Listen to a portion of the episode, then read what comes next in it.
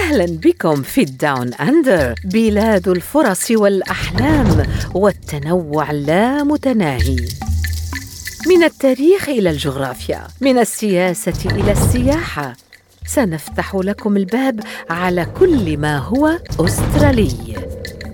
أنا سيلفا مزهر وهذا هو بودكاست من أستراليا. Everything Australian. جاهزون؟ فلننطلق. أيام السنة قد تتشابه لكن يوم أستراليا لا يشبه ما عداه. ابقوا معنا لتتعرفوا على قصة بدأت قبل أكثر من 230 عاما.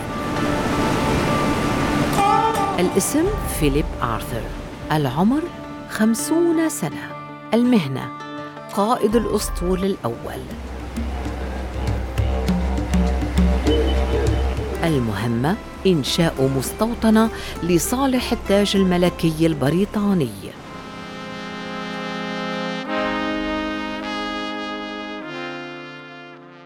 لكن وبالأول ما قصة الأسطول الأول؟ ولماذا سمي كذلك؟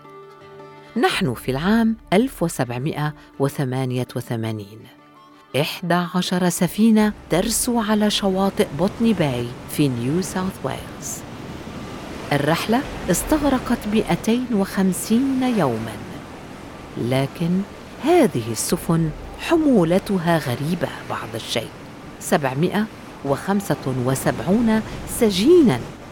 ليس هذا فقط بل معهم أربعة عشر من أولادهم. معظم هؤلاء السجناء هم من مواطني بريطانيا العظمى. جرائمهم تتراوح بين السرقة وشهادة الزور والاحتيال والاعتداء. لكن مع تكاثر أعدادهم واكتظاظ السجون بهم أخذت بريطانيا قرارا بإبعادهم إلى أستراليا.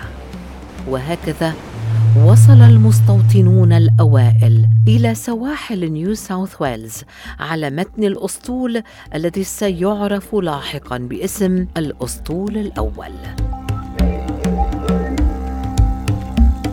بوتني باي حيث رست السفن لم تكن موقعا جيدا لبناء مستوطنة صالحة للسكن لذلك قرر آرثر فيليب البحث عن مكان آخر.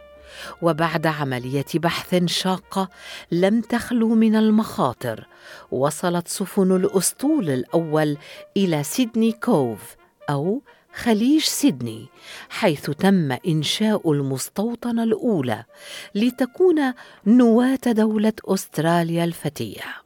كان ذلك يوم السبت السادس والعشرين من كانون الثاني يناير. وهذا اليوم أصبح يعرف بيوم أستراليا. لكن القصة لا تنتهي هنا وفصولها ستصبح أكثر تشويقا كلما تقدم بنا الزمن. هذه هي قصة أستراليا. قصة أمة غير عادية. قصة بدأت منذ ستين ألف عام.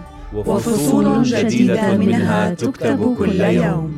في يوم أستراليا نتأمل في تاريخنا بنجاحاته وإخفاقاته. نعبر عن احترامنا لقصص الآخرين. نحتفل بأمتنا وإنجازاتها. والأهم من ذلك كله بشعبها. نحن جميعا جزء من هذه القصة. هذا ما نقرأه في الصفحة الأولى لموقع يوم أستراليا الرسمي على الإنترنت وهذا ما كتبه المجلس الوطني ليوم أستراليا والذي تأسس عام 1979 للتعريف عن معنى هذا اليوم.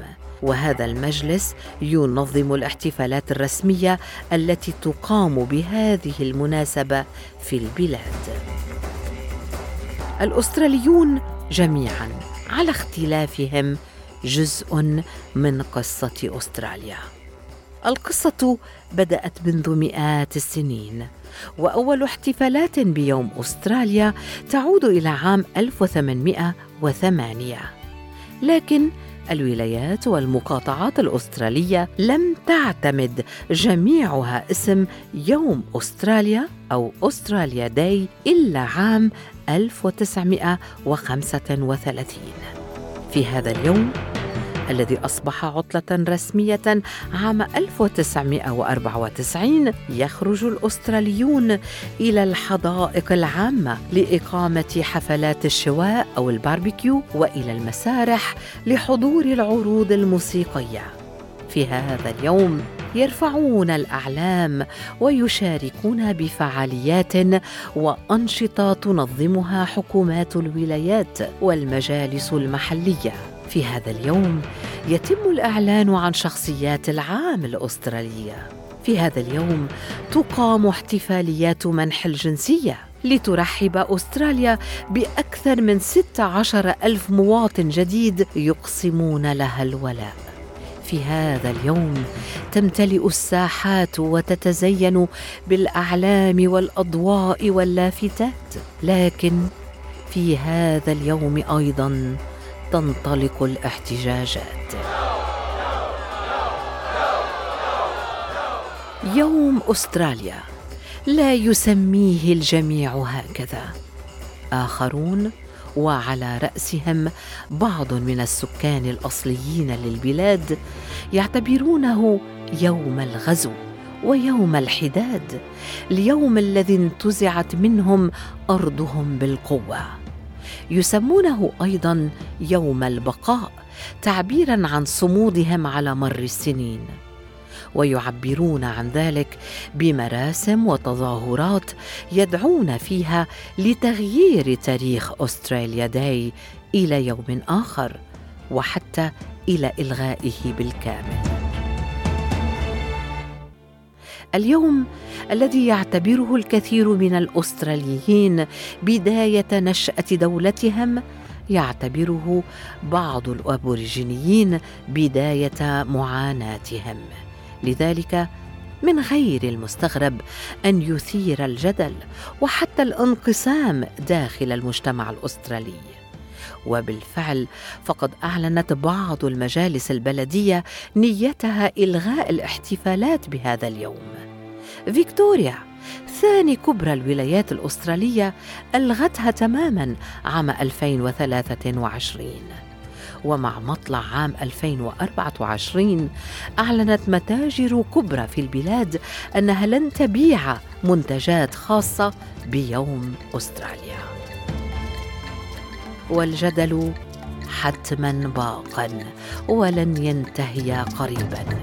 لكن أستراليا داي يبقى رغم كل شيء أفضل مناسبة للتلاقي للاعتراف بالآخر لإيجاد قواسم مشتركة بين مواطنين متساوين بالحقوق والواجبات رغم كل اختلافاتهم في وطن واحد. يتفق الجميع على اسمه وعلى حبه. أستراليا.